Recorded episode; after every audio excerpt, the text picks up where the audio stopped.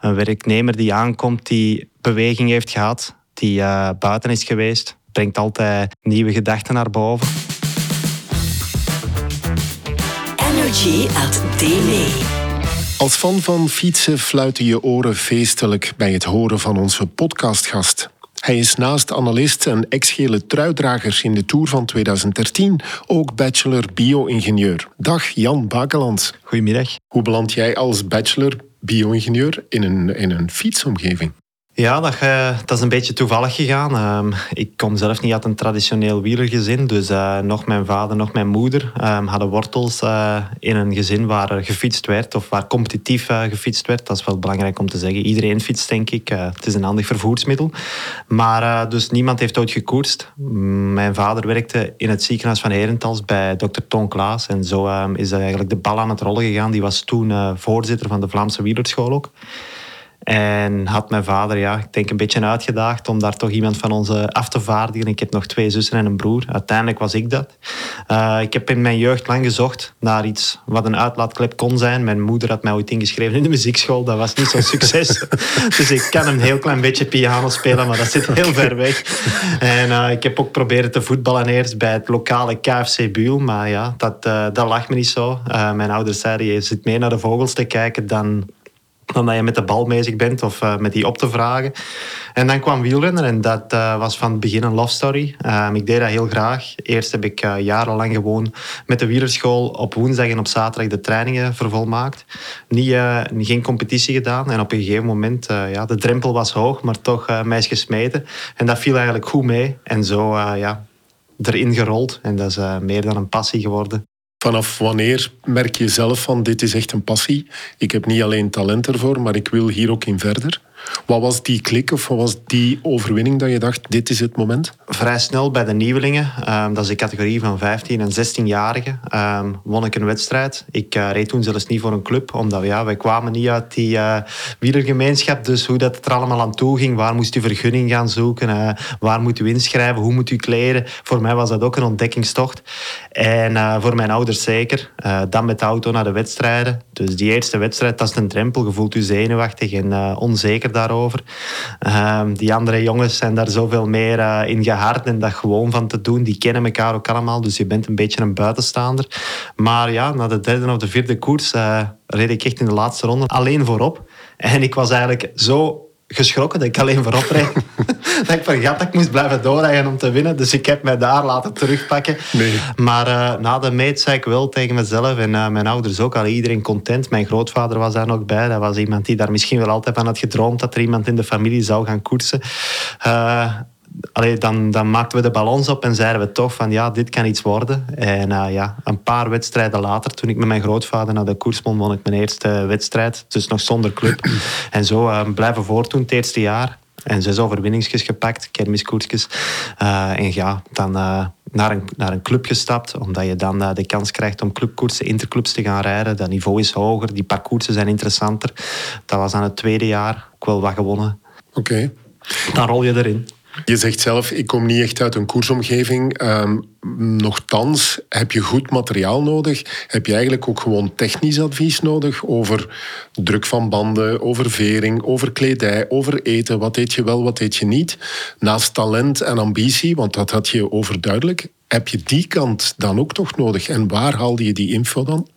Ja, dat is bij mij in het begin een beetje trial and error geweest. Ehm, maar dat is, dat is niet slecht. Dat zet mij nu misschien wel kritischer in de markt uh, tegen bepaalde innovaties. En ik hou altijd tegen het licht. Het maakt u ook uh, geïnteresseerd in wat er komt. Dus ik heb wel ja, veel zelf moeten ontdekken. Uh, dat maakt dat je vaak met een achterstand begint. En ja, zoals ik nu terugkijk op mijn carrière, denk ik dat ik er wel meer had kunnen uithalen als iemand voor mij uh, die beslissingen had gemaakt. Of ik had een mentor gehad die die raadgevingen kon geven. Maar uh, het maakt me misschien nu wel des te meer de geschikte mentor voor de komende generatie. En uh, ja, wie weet wel, eventueel als ploegmanager of zo, denk ik dat ik wel de geschikt, het geschikte profiel heb om ja, te selecteren in wat er voorhanden is en de juiste dingen aan te bieden aan, aan mijn renners. Maakt je dan eigenlijk ook meteen een heel goede analist, want je hebt alles zelf trial and error, zoals je het zegt, zelf moeten ondervinden. Je weet dat werkt, dat werkt niet. Welke praktische tips kan je dan al aan onze DME-collega's geven van als beginnende fietser, let daarop, doe dat niet, dat heb ik geleerd, dat is een tip? Ik denk dat balans heel belangrijk is in de trainingen. Um, Wat doe je met balans? Uh, tijdseffectief werken. Dus um, ja, af en toe eens rustig durven rijden. Maar ook af en toe als er niet te veel tijd is. Dus zullen we zeggen, ik rij een uur of anderhalf uur en ik doe daar wat blokken in. Uh, dat zijn trainingen die je bijvoorbeeld bij voorkeur alleen doet. En waar je misschien wel in uh, geholpen kan worden door uh, ja, een inspanningsproef te doen en weten in welke zone dat je dat moet doen. Dus als je tijdsefficiënt moet werken, denk ik is het wel belangrijk om elke meter te doen tellen. En dan ja, zou bijvoorbeeld ook de powermeter wel een handig attribuut kunnen zijn. Ik begrijp wel dat dat een hoge instapkost is, maar dan kan je echt gericht gaan trainen. Um, ja, naar kleding toe zijn er wel belangrijke keuzes die ook gemaakt moeten worden in functie van het weer. Goed drinken, goed eten. Er, zijn heel veel evoluties, vooral de laatste jaren op gebied van voeding ook gekomen. Waar ik begon, uh, ja, gingen we eigenlijk nog vaak rijden met een rijstaartje in de achterzak. Zoals vroeger. Ja, nu zie je toch dat ze daar volledig van afgestapt zijn. Ik denk dat er geen enkele ploeg nog is die uh, versneden taartjes, rijstaartjes van Chipannes meegeeft, maar dat dat allemaal uh, ja, energy bars zijn. Of, mm -hmm. of shells of zoiets. Ook ja. Of um, als je zelf iets wil maken, dan zijn er nog altijd, is reis nog altijd een, uh, een keuze die gedaan wordt. Je ziet dat wel eens bij renners in de aanvangsfase van de wedstrijd. Dat zijn van die blokjes rijst die gekookt worden in een rijstkoker. Dan wordt dat uitgestort op een bakplaat, een nacht in de frigo gelegd. Daar worden allerhande smaken aan toegevoegd. Het is eigenlijk heel lekker. Maar daar komt dus absoluut geen melk meer aan te pas. En uh, ja, dat zijn uh, wel dingen waar je accent in kunnen leggen, die bijvoorbeeld uh, zin geven om drie weken lang die rijstblokjes te gaan eten. Dus altijd een andere smaak. Je kunt die ook hartig maken. Wat bijvoorbeeld als je de Ronde van Frankrijk rijdt, wel interessant is, omdat het vaak altijd dat zoete doe je op de duur, mij toch zeker, op het einde van de ronde verlangen naar iets zoutig. Ik ben ooit nog aangekomen bovenop een of andere Pyreneeënkool. En de perschef stond mij daarop te wachten, want ik had ook nog dopingcontrole. En het enige dat ik die kon zeggen, zorg dat ik nu een pizza kan eten. en wij zijn toen echt, die mens, uh, had het gelukkig wel voor mij. En uh, we zijn toen echt heel dat dorp af gaan lopen om nog een pizza te eten op die controle. die heeft wel fantastisch gesmaakt, zoals een Franse pizza. Je zegt het nu zelf, die tour um, heeft jou ook een beetje geel gekleurd. Hoe was het om de tour te rijden? Ja, dat was voor mij toch altijd wel een, uh, een evenement waar ik bij wilde zijn. Um, als ik er niet bij was, dan knaaide dat toch. En dan uh, was ik niet de, niet de meest aangename mens om uh, die koers mee te kijken. Het is de grootste koers ter wereld. het is de meest belichte door de media. En daardoor um, worden uw prestaties vergroot. Um, krijg je een ja, wereldwijd podium, kun je bijna zeggen. En ja, als je daar dan kunt presteren, is ook gelijk je jaar goed. Het is uh, misschien een boutade om te zeggen dat de beste renners de Tour rijden, maar ergens klopt dat ook wel. Mm -hmm. Dus wil je daar als atleet, als wielrenner eigenlijk wel bij zijn. Waarom begin ik over de Tour? Omdat wij bij Energy Academy doen we de Tour Challenge. Die vindt in juli plaats. En kun je ons vertellen hoe dat dan is om die Tour te rijden met een gele trui bijvoorbeeld? Want je bent een van de weinige Belgische renners die de Tour met een gele trui hebben gereden. Dat moet nu lukken dat je erachter vraagt, maar een paar dagen geleden was de eerste dag van Remco Evenepoel in de roze trui. En het eerste dat hij uh, zei in een interview bij Stijn Vlaming was, uh, dat zelfs al kende mens hem niet, hij hoorde langs de weg constant het geroezemoes van uh, Ah, la Maglia Rosa. Mm -hmm. En ik had hetzelfde. Dat is uh, iets wat ik heb meegenomen van mijn dag in Corsica toen. Ah, le maillot jaune, le maillot jaune. Want ja, voor de grootste wielerkenners was ik natuurlijk wel een gekend renner, maar voor het algemeen publiek was ik dat uh, toen niet. En uh, ja, voor het publiek dat langs de kant staat in de, in de Tour de France, dat heel divers is, dat bestaat uit sportliefhebbers, maar ook uit mensen die eigenlijk er niets van kennen, gelegenheidssupporters. Uh, ja, die, die weten helemaal niet, dat mag nog Armstrong in de gele trui zijn, wie dat, dat exact is. En dan merk je toch wel wat een sportoverstijgend icoon de trui mag genoemd worden. Mm -hmm. Je hebt er twee. Waar mm -hmm. hangen die? Heb je die nog? Ik heb één laten inkaderen in de laatste jaren van mijn carrière. Omdat ik dan uh, wel begon te beseffen nadat ik een zware rugblessure had gehad. Dat uh, ja, helaas het beste achter mij lag. En dat we ook moesten van genieten van wat het geweest was. Het had meer mogen zijn, maar ik mag er toch trots op terugblikken, denk ik. En uh, ja, die niet iedereen heeft er zo in hangen. Dus die hangt thuis ingekaderd in de living. En um, ja, de andere... Dat was meer specifiek. Dat was een ploegentijdrit, dus dat was een tijdritpak. Vind ik zelf niet zo speciaal om, om in te kaderen. En een paar uh, heb ik uh, cadeau gedaan aan ja, mensen die dat toen in die tijd omkaderend waren. De Tour is natuurlijk ook verschillende ritten over een langere periode. In onze Tour Challenge van Energy Academy doen we dat dan ook. Heb je um, tips over uithouding of pieken op het juiste moment bijvoorbeeld? Ik zou vooral niet te vroeg al mijn kaarten op tafel gooien en uh, te vroeg te enthousiast in de inspanning gaan. Het zwaartepunt ligt vaak toch uh, als je rit doet van bijvoorbeeld drie uur. Is het, een, is het een overwinning op zich dat je drie uur op hetzelfde niveau kan blijven rijden. Dus niet te voortvarend van start gaan is wel een, uh, een belangrijke tip die ik kan meegeven. En ja, als je een, rit doet van bijvoorbeeld drie uur, dan uh, is het uh, koolhydraatmetabolisme toch ook iets dat aangesproken wordt. Dus moeten de suikerreserves af en toe aangevuld worden. Je kunt al eens een, een barken of, of een gel eten. Dus dat kan zeker helpen. Goed drinken, ja, dat blijft natuurlijk belangrijk. En ja, goed gekleed van start gaan. Mm -hmm. Investeren in een goede koersbroek. Wat drink je dan? Is dat water of is dat isotonendranken? Als je rustig rijdt, is er niks dat tegen water pleit. Um, maar ja, een goede isotone drank doet natuurlijk wel meer drinken, omdat je er zin van krijgt van meer te drinken. Dat is uh, zeker geen nadeel. Dus uh, ja, in een lange rit, uh, waar je toch wel ook wat indruk wil maken op de collega's, is dat een goede start. Waar haal je dat? Um, online zijn er natuurlijk. Het hangt er natuurlijk ook vanaf wat, dat je, wat dat jouw persoonlijke voorkeur is van merk. Er zijn ja, heel veel merken. Het is een super competitieve markt. Uh, dus daar zijn heel veel spelers in. En iedereen heeft wel iets um, dat, dat beter is dan zijn concurrentie of net iets minder. Dus ja, het is eigenlijk als consument moet je je voordeel daarmee doen. Je kunt bijvoorbeeld zeggen, ik vind de bars van Powerbar de beste en ik heb dan graag uh, de energiedrank van 6D. En daarnaast uh, hebben ze gels bij SAS die mij het beste liggen. En zo kun je eigenlijk à la carte een menu samenstellen. Geloof je in voedingssupplementen zoals creatines of, uh, of ketonen nu?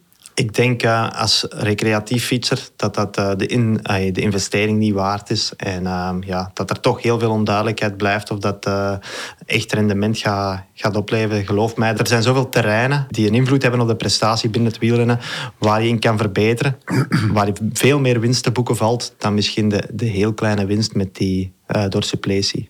Ik zag onlangs een foto van Mathieu van der Poel en Remco die in Spanje in een koffiebar zaten. Helpt koffie om je sneller te doen rijden? Of? Koffie is een uh, belangrijk uh, ergogeen product. Dus uh, dat is zeker iets. bovendien is het lekker en zorgt het voor een soort van een sfeer van kameradschappelijkheid. goede gesprekken worden gevonden rond een tas koffie. Het is denk ik het mooie aan de fietssport. Om er samen met collega's op uit te trekken. En halverwege ergens een lekkere koffie te drinken. Daar mm -hmm. wat, ja, wat te zeveren, om het zo te zeggen, over uh, wat geweest is en wat er nog aankomt. En dan ja, de rit verder te zetten. Je rijdt er dan ook nog beter van. Het um, verlaagt de perceived effort. Dus dat is de, hoe dat jij de inspanning ervaart. Uh, dat is wat cafeïne doet. Ik heb uh, natuurlijk, zoals elke renner, ooit uh, cafeïnegels genomen, -hmm. waarin gewoon het pure cafeïneproduct zit. Maar als we dan gaan dat opentrekken en kijken naar, naar koffie, dat, dat, sloeg altijd harder aan bij mij. Een, een lekkere koffie, dan, dan kom ik er tegen. en als je nu geen koffie drinkt, er is zoiets als theïne, wat -hmm. in thee zit. Heeft dat hetzelfde effect? Er wordt gefluisterd, zal ik zeggen, um, dat uh, groene thee-extract ook een uh, product zou zijn dat helpt bij het afvallen. Of dat nu allemaal klopt. Uiteindelijk helpt er maar één ding bij afvallen. Dat is minder eten dan dat je verbruikt. maar uh, ja, groene thee is zeker iets dat, dat goed is. En ik, ik was persoonlijk een grote fan van verse muntthee. Dat gaf mij in de zomer dan vooral ook die frisheid in de mond, die dan ook weer uh, prestatiebevorderend kan werken. Want door uh, bepaalde zones op je lichaam een koude gevoel te creëren, uh, kun je je algemene ja, waargenomen warmtegevoel uh, een beetje, of toch kortstondig tijdelijk verlagen. Ik uh, hoorde jou in wattage een hele leuke anekdote vertellen over iets koud in je nek leggen. Wat was dat? Was dat ijs? Ah, ja, of ja. was dat... nu moest ik al denken. Ja, dat zou bijvoorbeeld ook een ideale strategie zijn voor als het warm is. Uh, heel warm dan. Ik ga binnenkort in Amerika de Unbound Gravel Race rijden. Dat is 320 kilometer in de Midwest. En naar ik hoor zou vooral het klimaat de dooddoener zijn. Dus drie, ja, ongeveer 10 uur onder een lode zon daar uh, gaan rijden. Dat maakt dat je zacht gekookt wordt. Dus het is um, zaak om de lichaamstemperatuur altijd te controleren en proberen te verlagen. En daarom gebruiken we in de Tour bijvoorbeeld sokken met um, ijsblokjes in. Dat smelt dan langzaam. En dat, naast het zweten helpt dat dan om, om je lichaamstemperatuur te controleren. Want vanaf als je oververhit, is er een snel prestatieverlies. je zal dat zien als je op de roller rijdt dat als je echt uh, heel hard begint te zweten dat dan, en je hebt een powermeter, kan je echt wel vaststellen dat, uh, dat je toch wel redelijk wat uh, vermogen aan het kwijtspelen bent. Um, en dus die dag, maar dat was in de winter, dus het was niet nodig om een koude effect te creëren. Maar ik had afgesproken met een maat die mm -hmm. had op Instagram een, een video geplaatst waar ik kreeftenbisk aan het maken was. Ik zeg, ja, dat ziet er lekker uit. En hij heeft mij toen gestuurd, ja kijk, als je komt, dan kunnen een zak dat zat zo in die vacuümzakken. Uh, kreeft de bisk komen halen. Dus ik ben in volle winter met Wout van Aert nota bene naar uh, Keerbergen gereden om een zak uh, bevroren kreeftenbisk mee te doen. En ja, hoe neemt een renner iets mee? Die steekt daar onder zijn trui. Hè. Dus we hebben allemaal al gezien hoe, um, hoe bidons van de volgwagen door de knechten tot bij de kopmannen geraken. Dat is mm -hmm. door die rug vol te steken met bidons. Ja. Deze dag was het kreeftenbisk. Je noemt de naam Wout van Aert. Hij is ook jouw trainingsmakker. Hoe kijk je nu naar hem? Ben je jaloers op de carrière die hij heeft gehad of heeft? Ah, gezond jaloers wel. Ik denk dat iedereen dat moet zijn. Dat is uh, als je als jonge renner begint met, met wielrennen, als aspirerend renner, aspirant nieuweling junior, dan, uh, dan droomt iedereen van zo'n carrière te gaan maken. Uh, Wout is een wereldtopper. Heb je Wout al tips gegeven? Vroeger ja, natuurlijk. Vanaf in het begin toen hij overstapte naar van, uh, van het veld naar de weg. Toen uh, weet ik nog dat hij bij een kleine ploeg voor de eerste keer Strade Bianche ging rijden die, die trein, die, die reis was niet geoptimaliseerd. Dus hij kwam daar vrij laat aan en hij zei, ja, hij heeft niet gaan verkennen, hoe moet ik dat morgen doen? Ik zeg, ja, op een gegeven moment op die Santa Maria-strook is er een, eh, een pittige afdaling op gravel. Beneden is er een brugje waar je eigenlijk een bocht opneemt en dan begint er een muur van anderhalve kilometer. Ik denk met jouw technische capaciteit dat je veel voor, uh, voordeel kan doen door die afdaling snel in te gaan. Um, niet te remmen en, en goed bij te trappen. Die andere wegrenners gaan dan niet gewend zijn op gravel zo'n snelheden te ontwikkelen. En dan kom je goed gelanceerd aan die muur aan. En hij heeft dat eigenlijk goed opgevolgd. Hij is nadien ook derde geworden. Was de befaamde Strade Bianche, waarbij hij in, de, in het centrum van Siena moest afstappen omdat die muur uh, er bijna te veel aan was. Maar ja, als je zo kunt beginnen. Toen uh, was al direct duidelijk dat hij niet gewoon uh, op de weg kwam rijden om een figurantenrol te vervullen. Nee, want hij wint die Strade dan ook nog. Hè? Een paar jaar later. Een paar jaar later, ja daar zag je dus duidelijk uh, ja, dat Jumbo-Visma een ploeg is die echt op al die terreinen gaat uh, zoeken en zoeken naar prestatiebevorderende effecten.